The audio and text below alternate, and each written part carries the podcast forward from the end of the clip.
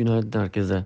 Ee, bizim toptan sonuçlarını açıkladı. Ee, dördüncü çeyrekte 19 milyonluk bir net kar var. Bizim beklentimiz olan 13 milyon ve piyasa ortalama beklentisi olan 12 milyonun üzerinde.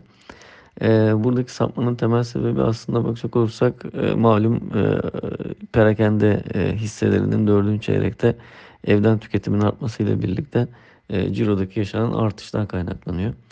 E, dördüncü çeyrekte ciro e, yıllık bazda e, ana kategori segmentinde %30, e, tütün satışları da %19'luk bir artış gösterdi.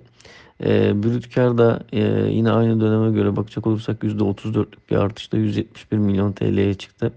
E, brüt kar marjı da yine beklentilerin üzerinde. E, daha karlı olan müşteri segmentinin payının artması e, ciro içerisinde e, 4. çeyrekte ana kategori segmentindeki brüt karlılığı %14.3'e çekti.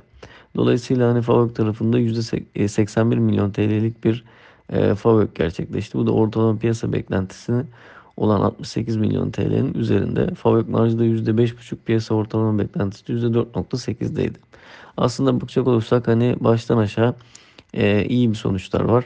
Dördüncü çeyrekte şirketin net nakdi de çeyreklik bazda e, %9 artarak 293 milyon TL'ye yükselmiş.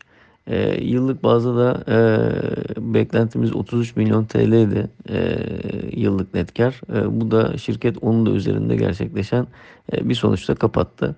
Ben yine perakende tarafında birinci çeyrek sonuçlarının da yine güçlü olmaya kalmaya devam etmesini bekliyorum. E, çünkü restoranlar Mart ayında açılmaya başladı. O da kademeli olarak.